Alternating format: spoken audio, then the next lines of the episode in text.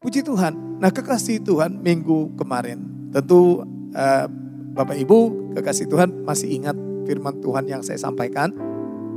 Bahwa kita sudah diberi oleh Tuhan hak istimewa untuk sampai di sorga. Atau untuk tiba di sorga. Hak privilege. Nah Bapak Ibu saudara sekali dikasih Tuhan. Jadi ada satu kepastian. Bukan karena tekebor, bukan karena sombong. Enggak karena yang memberi hak istimewa untuk saudara dan saya sampai di sorga. Menjadi warga negara kerajaan sorga itu bukan karena kuat dan gagah kita, bukan. Tapi karena Tuhan sendiri. Luar biasa kan coba. Coba uh, siapa kita ini saudaraku? Siapa kita ini? Orang yang berdosa, orang yang rusak, orang yang bobrok, yang hancur. Yang tidak memiliki, memiliki pengharapan. Tetapi sejak kita menerima Yesus sebagai Tuhan dan Juru Selamat kita ada satu kepastian. Ada satu kepastian. Yaitu, yaitu satu kali kelak. Kalau kita tugas kita di dunia ini. Kalau perjalanan hidup kita di dunia ini, ini sudah selesai. Maka seperti tidur buka mata, nah kita sudah tiba di sorga. Itu sesuatu yang luar biasa. Oleh sebab itu saudara dikasih Tuhan, keliru, keliru. Kalau kita mengasihi dunia lebih daripada mengasihi sorga. Dunia tempat kita tinggal ini hanya sementara, hanya sementara. Apalagi tanda-tanda kedatangan Tuhan sudah sudah sangat nyata, nyata sekali. Nah, apa yang saudara harapkan dari dunia ini? Seperti hari-hari ini, coba saudaraku. Jangankan orang yang tidak mampu, jangankan orang yang miskin. Orang yang punya duit aja bingung, tidak bisa ke mana-mana. Ya, punya punya uang yang banyak, punya mobil yang mewah, tidak bisa ke mana-mana yang punya uang banyak aja ndak bisa bepergian, ndak bisa traveling seperti dulu-dulu, ndak bisa terbang ke sana kemari sesukanya. Kita mau terbang misalnya itu pun dalam keadaan keperluan mendadak. Harus Pak apa namanya melewati jalur ini dan sebagainya agak sulit. Jadi tidak ada bedanya kita sehari-hari ini, baik yang kaya, baik yang sedang, baik yang susah, semuanya sama. Kekasih Tuhan, Dengar baik-baik. Dunia tempat kita tinggal ini tidak lama kita ada di dalam. Oleh sebab itu, mari kita mulai melepaskan. Lepaskan apa yang selama ini kita kasih. Yang selama ini kita genggam erat-erat, mulai kita lepaskan.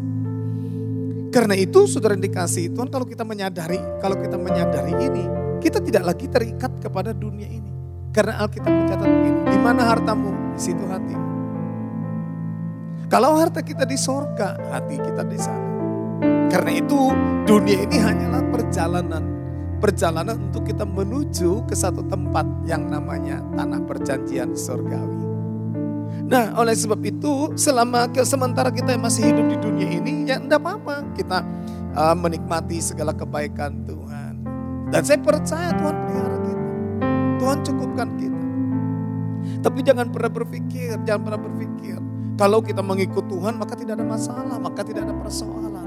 Ada masalah, ada persoalan. Tetapi Tuhan bersama dengan kita. Tuhan menyertai kita. Tuhan memberikan kekuatan kepada kita. Tuhan memberikan penghiburan kepada kita. Oleh sebab itu tetap setia mengiring Tuhan. Tetap setia melayani Tuhan. Jadi saya mau, mau yang saya mau tegaskan di sini adalah untuk kita sampai ke sorga itu bukan karena usaha kita. Bukan karena jerih lelah kita Bukan karena kebaikan kita, bukan.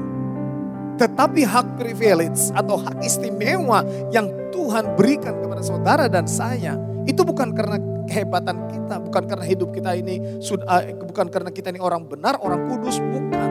Itu karena kasih Tuhan, itu karena kasih Allah. Dan dia tahu keadaan saudara dan saya. Dia tahu keterbatasan kita, dia tahu. Itu sebabnya dengan usaha kita, dengan segala kemampuan kita untuk kita mencapai sorga, dia tidak akan bisa, saudara. Kita akan stres. Ya, kita akan stres. Alkitab mencatat kebaikan kita. Itu tidak bisa menyelamatkan kita. Tidak bisa. Hanya karena anugerah daripada Tuhan. Nah, sesudah kita menerima anugerah daripada Tuhan, ada jaminan keselamatan Makanya kita perlu ikuti aturan-aturannya. Ikuti aturan apa yang Tuhan sudah sampaikan. Tentu saja dengan berbuat baik. Ya tapi jangan jangan dibalik.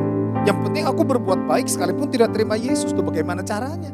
Padahal kita kita menerima hak istimewa pada waktu kita menerima Yesus Kristus sebagai Tuhan. Makanya dia berkata, keluarga negaraan atau keluargaan kita dari sorga. Hebat, lu ini sesuatu yang luar biasa. Nah itu sebabnya yang saya sampaikan di sini adalah sorga yang dimiliki oleh Yesus Kristus Tuhan. Sorga di mana Yesus Kristus Tuhan ada di sana. Saya tidak berbicara masalah sorga yang lain, saudara yang dikasih Tuhan. Oleh sebab itu, yang menentukan saudara dan saya masuk sampai ke sorga, itu bukan orang lain, bukan. Allah Bapa, dia sudah sediakan. Dia berikan hak untuk saudara dan saya sampai ke sana. Dia sudah berikan hak. Tapi yang menentukan yang untuk kita sampai ke sorga atau tidak bukan bukan lagi Tuhan. Kita, setiap kita. Langkah setiap kita, langkah terakhir kita. Apakah kita masih tetap setia melayani Tuhan? Apakah kita masih tetap setia mengiring Tuhan? Banyak jalan menuju Roma, saya setuju. Banyak jalan untuk tiba di Jakarta, ke Jakarta, ke Marang, ke Semarang, ke Solo, saya setuju. Tapi jalan untuk sampai kepada Bapa, untuk sampai ke sorga yang dihuni oleh Tuhan Yesus dan orang kudusnya, itu tidak ada jalan lain. Saya tidak tahu sorga yang lain. Sorga yang lain mungkin banyak jalan ke sana. Tapi dengar baik-baik kekasih Tuhan. Yang saya mau kasih tahu ini adalah sorga yang dihuni oleh Tuhan Yesus. Sorga yang dimiliki oleh Tuhan Yesus. Sorga yang orang-orang kudus ada di sana. Jalannya untuk sampai ke sana. Untuk sampai kepada Bapa hanya melalui dia. Yaitu firman Allah. Firman Allah. Firman Allah yang mencipta dari tidak ada menjadi ada. Firman itu datang ke dunia dan tinggal di dalam tubuh manusia yang namanya Yesus. Saya membayangkan kalau firman itu, firman Allah ini tidak tinggal di dalam tubuh Yesus, tubuh manusia Yesus. Kita tidak pernah mengerti. Kita pun akan meraba-raba bagaimana supaya masuk sorga. Jangan-jangan kita berbuat ini, berbuat ini hanya untuk masuk sorga. Saudara yang dikasih oleh Tuhan Yesus Kristus. Pada waktu Adam dan Hawa Sebelum diusir dari keluar dari Taman Eden, mereka menikmati segala kebaikan Tuhan. Mereka menikmati segala kelimpahan daripada Tuhan. Mereka menikmati hubungan eh, persekutuan dengan Tuhan. Tapi sejak mereka diusir keluar dari Taman Eden karena karena dosa, mereka kehilangan hubungan. Mereka kehilangan persekutuan dengan Allah.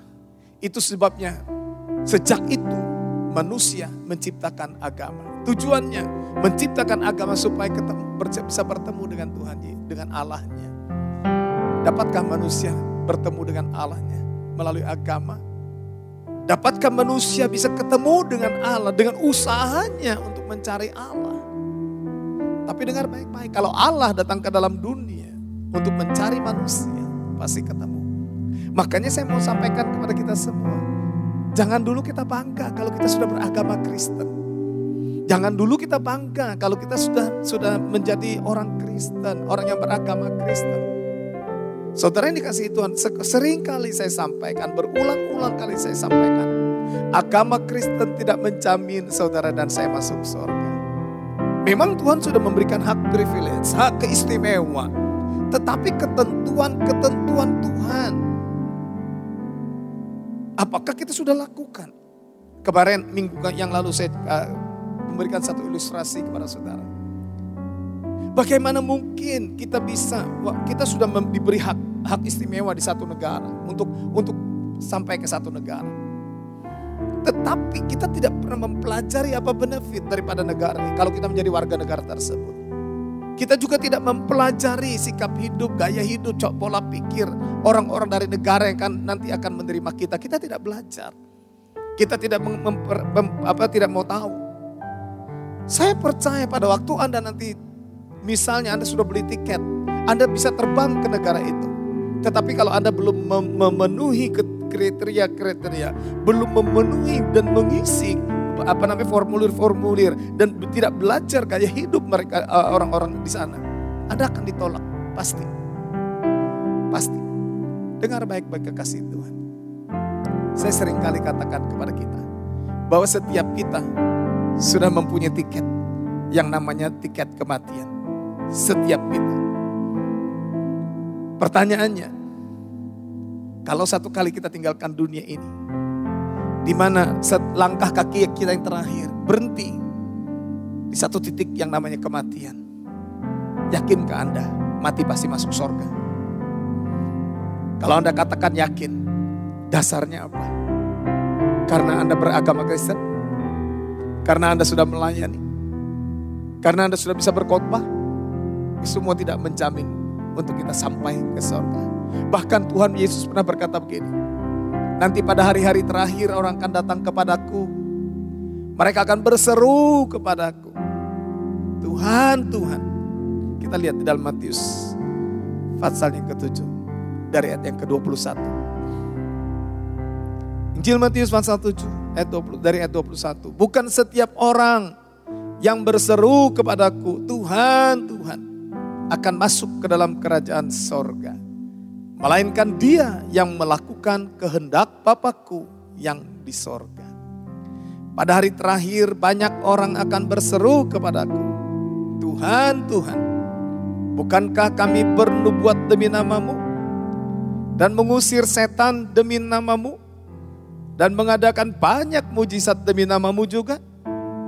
Pada waktu itulah aku akan berterus terang kepada mereka dan berkata, Aku tidak pernah mengenal kamu. Enyahlah daripadaku, kamu sekalian pembuat kejahatan. Kekasih Tuhan, ayat ini bukan untuk orang lain, bukan untuk kepercayaan lain. Ayat ini adalah berbicara untuk orang-orang yang percaya kepada nama Yesus. Nama yang berkuasa, nama yang telah mengusir, membuat melakukan mujizat, nama yang dipakai untuk bernubuat, nama yang mengusir setan. Berarti tahu kan, di, di dalam nama Yesus ada kuasa. Tapi tragis kan kekasih Tuhan. Kalau Tuhan berkata, aku tidak pernah.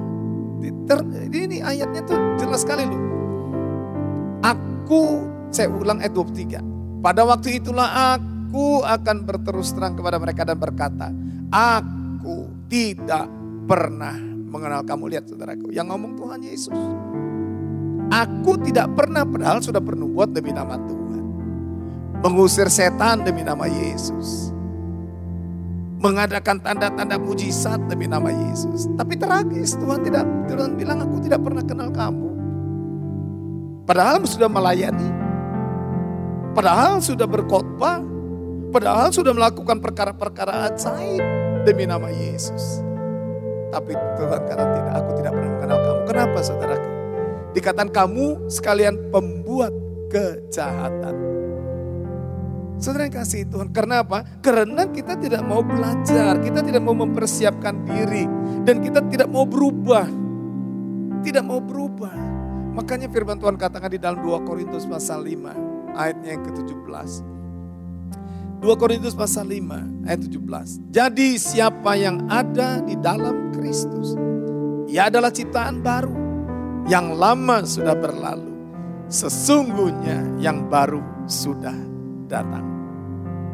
Kalau saudara berkata saudara di dalam Kristus, maka hidup saudara dan saya berubah. Apa apa yang berubah? Gaya hidup kita berubah, sikap kita berubah, tutur kata kita berubah dengan baik-baik kekasih Tuhan. Tuhan Yesus datang ke dunia tidak pernah membawa agama Kristen. Tidak pernah mengajar tentang kekristenan. Dia datang ke dalam dunia yang dia beritakan adalah tentang kerajaannya, bukan doktrin tentang kekristenan. Saya ulangi, gara-gara gereja mempertahankan doktrin Gereja terpecah-pecah. Yang satu berkata pengajaranku benar, yang lain sesat. Pengajaran aku yang yang hebat, yang lain tuh nggak benar. Emangnya emangnya kita ini siapa? Lalu sama kita ini sama-sama sama-sama sedang menanti, sedang sama-sama sedang menanti ke, untuk pergi ke sana. Tidak ada yang tidak ada yang yang bisa berkata benar. Tidak tidak bisa. Alkitab pencatat tidak ada seorang pun yang benar. Oleh sebab itu selagi kita ada di dunia ini, ayo saling menasehati. Firman Tuhan katakan saling menguatkan. Bukan untuk saling menghardik. Bukan untuk saling menjatuhkan. Bukan. Oleh sebab itu kalau kita, kita tidak bisa berkata bahwa sorga itu adalah hanya milik gereja tertentu. Gereja itu, eh sorga itu hanya milik sinode tertentu. Gereja itu hanyalah merek gereja tertentu. Enggak, Tuhan tidak pernah berkata seperti itu saudaraku. Jadi sekali lagi saya mau katakan, yang memastikan saudara dan saya tiba di sorga bukan pendeta. Dengar baik-baik, bukan pendeta, bukan gereja. Tapi saudara dan saya sendiri. Apakah kita mau ke sorga atau ke neraka? Itu urusan saudara. Tapi sebagai hamba Tuhan saya sampaikan, jangan salah memilih. Pilih sorga. Di mana Tuhan sudah memberikan hak istimewa. Kalau saudara dan saya mati, pasti, pasti dia berikan sorga, eh, dia dia mempersilahkan saudara dan saya untuk masuk ke dalam kerajaannya yang tidak tergoncangkan. Hanya untuk persiapan buat kita sampai ke sorga, maka kita harus menyesuaikan mempersiapkan diri kita ini loh untuk kita sesuaikan. Pola pola pikir kita berubah. Karena karena siapa yang ada di dalam Kristus ia adalah ciptaan yang baru. Yang lama telah berlalu. Pikiran yang lama yang moga-moga mudahan yang uh, itu itu kita rubah yang bimbang yang ragu-ragu cemas ketakutan tidak bisa mengampuni kebencian buang buang. Karena kita adalah ciptaan yang baru. Nah kalau saudara masih berkata, aku tidak bisa mengampuni, berarti saudara belum ciptaan yang baru. Kalau saudara pola pikir saudara tidak mau berubah, saudara belum berarti belum ciptaan yang baru. Kalau saudara berkata, memang karakterku dari dulu seperti itu, berarti saudara belum pernah jumpa Yesus. Saudara belum diubahkan. Karena firman Tuhan berkata 2 Korintus 5 ayat 17 jelas sekali. Dia adalah ciptaan yang baru. Yang lama telah berlalu, yang baru sudah datang. Itu pilihan saudara. Jadi sekali lagi saya katakan yang menentukan saudara untuk masuk sorga atau neraka, bukan pendeta. Jadi kalau ada pendeta yang berkata, ikuti aku, engkau pasti masuk sorga, bohong. Kalau ada gereja berkata pengajaranku yang benar, ya pengajaran yang lain itu enggak benar, bohong. Ya, bahannya kan sama Alkitab juga. Kecuali pada waktu disampaikan melenceng daripada kebenaran baru kita bisa berkata oh, itu gak benar tuh. Tapi kalau yang disampaikan itu adalah firman Tuhan tidak keluar dari kebenaran, kita bisa berbeda kok. Tapi tidak perlu kita mencari-cari kesalahan, tidak perlu kita berpikir, wah oh, itu pendeta tuh gak benar. Tidak perlu, itu bukan urusan kita saudara. Makanya saya menghimbau, saya menghimbau. Jangan sampai kita uh, jangan sampai kita apa namanya mencari pengajaran-pengajaran seolah-olah pengajaran ada pengajaran yang baru, yang baru belum tentu benar, saudaraku. Belum tentu benar. Ya. Oleh sebab itu selidiki sungguh-sungguh firman Tuhan, belajar sungguh-sungguh akan firman Tuhan.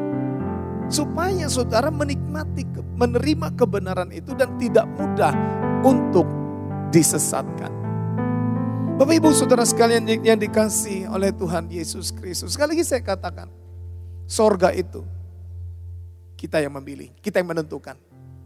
Saudara dan saya yang menentukan mau ke sorga atau ke neraka. Hanya ada dua tempat, tidak ada tengah-tengah, tidak ada putih abu-abu, tidak ada abu-abu, putih atau hitam, sorga atau neraka.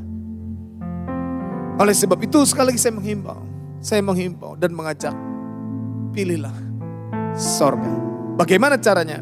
Alkitab katakan, firman Tuhan itu adalah pelita bagi kaki kita. Dan terang bagi jalan. Baca firman Tuhan, renungkan firman Tuhan yang menuntun kita sampai ke sorga. Jangan kita berontak. Jangan kita berkata, aku tidak bisa. Kalau saudara ber, berkata tidak bisa dan tidak mau taat firman Tuhan, saya mau kasih tahu. Sekalipun Anda diberi hak istimewa anda tidak akan pernah sampai ke sorga. Kalau bertentangan dengan firman Tuhan. Jangan bertentangan dengan firman Tuhan. Nah Tuhan, Tuhan Yesus berkata begini. Ada dua jalan menuju uh, yang Tuhan sediakan. Dua jalan. Satu jalan lebar, jalan yang bebas hambatan. Tidak ada beban, tidak ada masalah, bebas hambatan, jalan tol. Anda mau jumpalitan, Anda mau salto, Anda mau lakukan apa pun bebas. Tetapi ujungnya kebinasaan kekal. Tapi ada satu jalan yang sempit, jalan yang tidak enak. Mungkin turun naik lembah. Mungkin jalannya berkerikil. Mungkin banyak tikungan. Tetapi ujungnya adalah kehidupan. Kita yang memilih. Kita yang menentukan. Jadi tidak ada alasan aku tidak tahu. Tidak ada alasan aku tidak mengerti.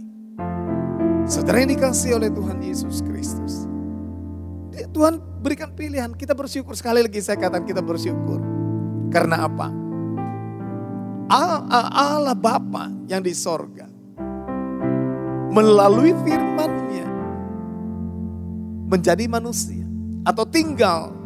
Firman ini tinggal di dalam tubuh manusia. Yang namanya Yesus.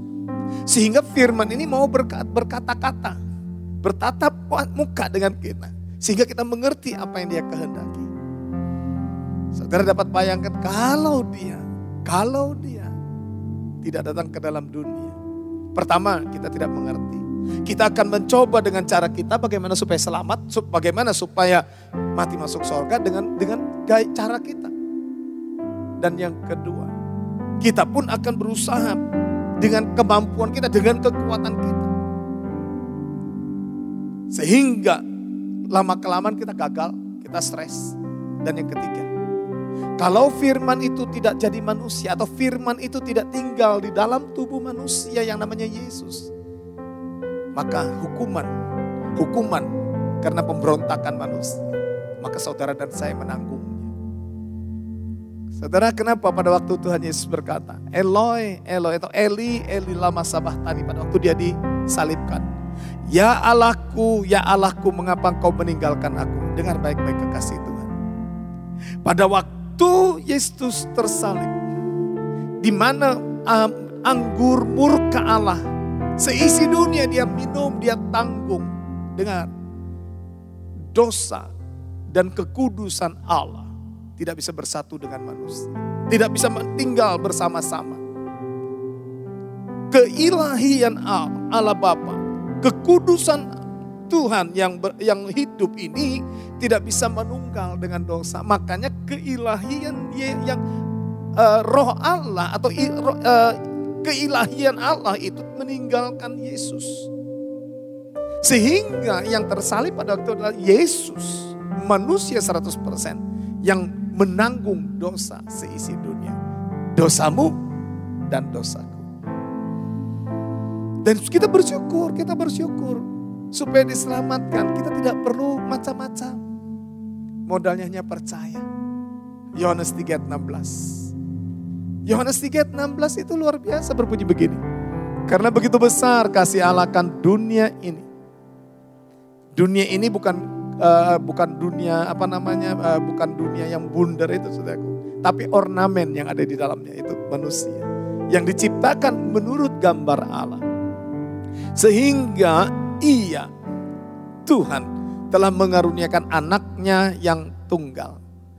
Supaya setiap orang yang percaya, yang percaya kepadanya tidak binasa, melainkan beroleh hidup yang kekal. Saudara yang dikasih itu mungkin mungkin ada orang berkata, loh berarti Allah beranak. Ya enggak lah, yang beranak itu Maria. Allah enggak beranak. Ya kan? Oh kalau Allah kalau Allah menjadi manusia berarti sorga kosong dong. Ya lah. Contoh seperti ini, saya berkata-kata. Perkataan saya ini dapat didengar di beberapa tempat. Tetapi saya masih tetap tetap di sini. Bukan berarti perkataan saya, eh, perkataan Allah menjadi manusia, eh, Allah menjadi manusia kemudian sorga kosong. Yang enggak, enggak, enggak. Makanya pikiran kita harus dibaharui. Harus disesuaikan dengan pikiran kerajaan Allah. Nah oleh sebab itu Bapak Ibu Saudara sekalian dikasih oleh Tuhan Yesus Kristus. Tergantung saudara, tergantung saya. Kita mau ke mana sekarang? Dia, Bapak, sudah memberikan hak. Anda dan saya. Kalau satu kali kelak meninggalkan dunia ini, sorga itu menjadi bagian kita. Makanya dia pada waktu Tuhan Yesus naik ke sorga dia berkata, Nah, sebelum sebelum dia uh, uh, naik ke surga dia pernah berkata di dalam Injil Yohanes pasal 14 ayat yang pertama Injil Yohanes pasal 14 ayat pertama sampai ayat yang ketiga. Janganlah gelisah hatimu, percayalah kepada Allah, percayalah juga kepadaku. Di rumah Bapakku banyak tempat tinggal. Jika tidak demikian tentu aku mengatakannya kepadamu. Sebab aku pergi ke situ untuk menyediakan tempat bagimu. Dan apabila aku telah pergi ke situ dan telah menyediakan tempat bagimu, aku akan datang kembali dan membawa kamu ke tempatku supaya di tempat di mana aku berada, kamu pun berada. Hebat kan saudaraku? Artinya tempat-tempat itu sudah tersedia. Disediakan malah oleh Yesus Kristus Tuhan. Dia berkata di tempat di rumah Bapakku banyak tempat tinggal.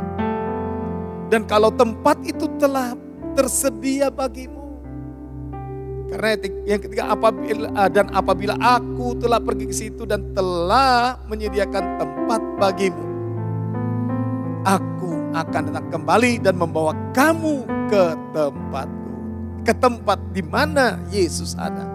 Saya tidak berbicara masalah sorga kepercayaan yang lain.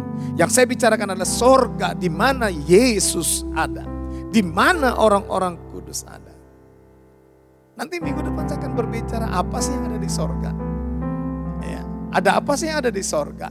Saya percaya setiap kepercayaan pengennya masuk sorga. Tapi sorga yang, yang dihuni oleh Tuhan Yesus. Sorga yang dimiliki oleh Tuhan Yesus. Sorga di mana orang-orang kudus. Saudara dan saya akan sampai ke sana. Itu, itu, itu kita harus ikuti aturannya. Yang, yang seperti apa yang berhak untuk masuk ke sana. Sorga seperti apa. Kita bersyukur. Tuhan Yesus baik. Siapa kita ini saudara? Siapa kita ini?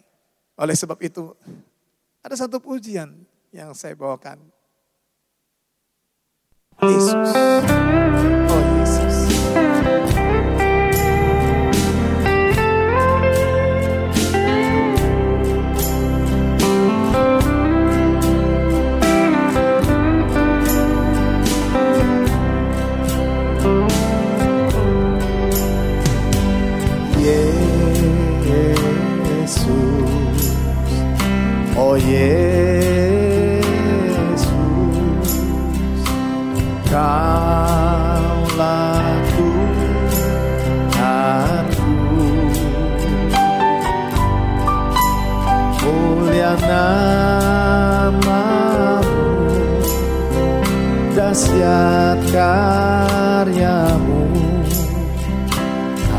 Datang ke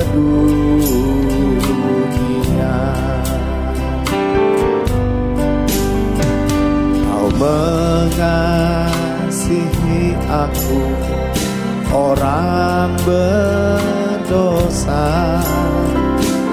Untuk diselamatkan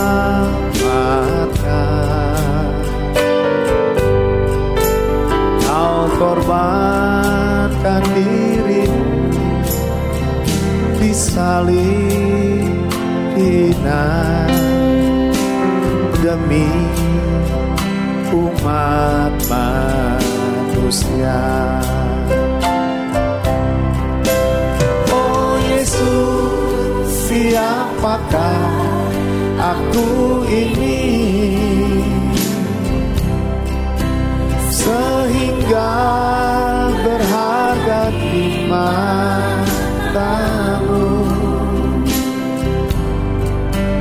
Ku mau menyenangkanmu di hidup ini sepanjang umur hidupku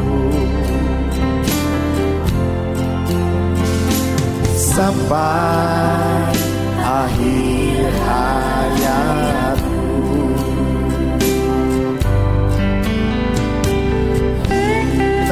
bersyukur sudah kalau bukan Tuhan mengorbankan dirinya bagi saudara dan saya.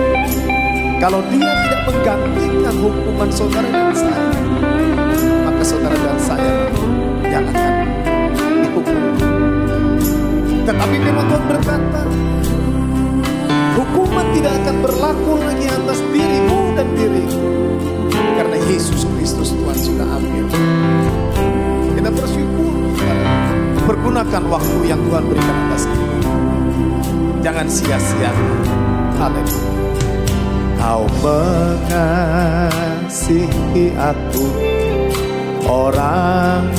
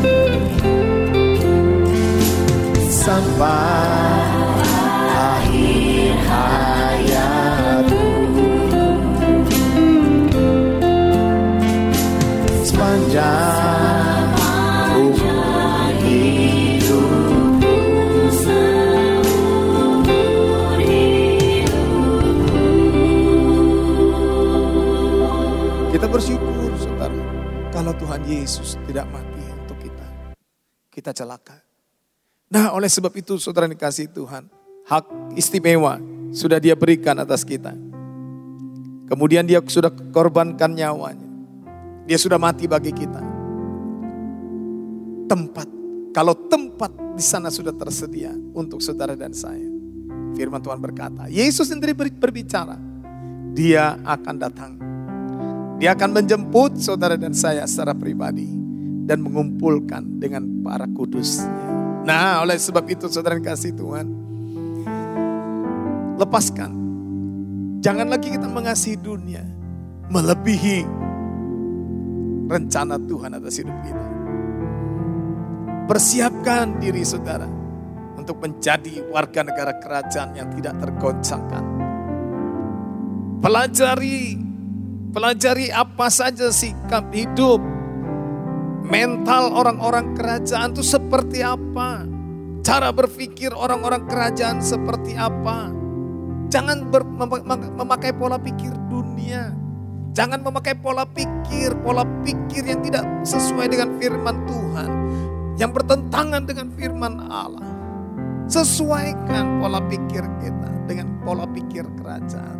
Melalui firman yang hidup. Yesus Kristus Tuhan. Kita tidak tahu berapa lama kita hidup di dunia ini. Tetapi Alkitab memberi patokan hanya 70 tahun. 70 tahun itu kalau eh, bisa lebih sampai 80 tahun. Tapi kata firman Tuhan hanya penderitaan dan sakit penyakit yang dialami. Nah oleh sebab itu kalau hanya 70 tahun dipatok berarti bisa bisa di bawah 70 tahun bisa mati. Bisa mati. Tapi bagi orang yang percaya, saudara dan saya, kita tidak takut dengan kematian. Asal jangan mati konyol. Kenapa saya bilang mati konyol? Ya misalnya seperti sekarang pemerintah hancurkan. Apalagi sekarang nih kita di, di Kalimantan nih. Di Kalimantan Selatan ini rate, rate-nya, ratingnya tinggi banget nih. Walaupun kita diberi kesempatan ya diberi kesempatan tantangan yang baru. Hidup dengan tantangan yang baru, tatanan yang baru. Ya, tapi tapi saudara kita juga harus hati-hati. Kita juga perlu berhikmat. Ya, walaupun new normal. Tetapi kalau kita tetap gaya hidup kita tidak berubah. Tidak bersih. Tidak mengikuti protokol kesehatan. Kena mati. Itu namanya mati konyol. Karena tidak ikuti anjuran pemerintah. Tidak ikuti aturan protokol kesehatan. Tapi kalau kita sudah berjaga-jaga, sudah me me me mengikuti aturan, protokol kesehatan juga kita sudah lakukan. toh terpapar juga, toh kena terinfeksi juga, ya sudah tuh namanya apa boleh buat. Tetapi kematian yang menyenangkan adalah kematian yang memang sudah waktunya Tuhan. Oh itu jauh lebih baik saudaraku. Ya itu jauh lebih baik. Berapa lama hidup saudara dan saya ada di dunia ini? Gak lama. Apalagi tanda-tanda kedatangan Tuhan sudah semakin dekat. Bersiaplah. Persiapkan diri saudara. Selagi ada kesempatan berbuat sesuatu untuk Tuhan, lakukan. Lakukan. Ya, sehingga satu kali kelak kita tiba di rumah kita yang sudah Tuhan sediakan. Kita akan bersuka cita bersama-sama dengan dia. Haleluya. Kiranya Tuhan Yesus memberkati saudara. Amin. Nah, kita akan masuk di dalam perjamuan kudus, saudara dikasih Tuhan. Sekali lagi, seperti biasanya saya ingatkan, sebelum kita masuk di dalam perjamuan kudus, saudaraku, ada ayat firman Tuhan yang saya mau bacakan, yaitu di dalam 1 Korintus, pasalnya yang ke-11. 1 Korintus pasal 11 dari ayatnya yang ke-27 yang berbunyi demikian. Jadi barang siapa dengan cara yang tidak layak makan roti atau minum cawan Tuhan, ia berdosa terhadap tubuh dan darah Tuhan. Karena itu hendaklah tiap-tiap orang menguji dirinya sendiri. Dan baru sesudah itu ia makan roti dan minum dari cawan itu. Karena barang siapa makan dan minum tanpa mengakui tubuh Tuhan, ia mendatangkan hukuman atas dirinya. Sebab itu banyak di antara kamu yang lemah dan sakit dan tidak sedikit yang meninggal. Jadi saudara yang dikasih oleh Tuhan Yesus Kristus, persiapkan diri kita. Uji diri kita. Supaya pada waktu kita makan dan minum tubuh dan darah Kristus, kita diberkati.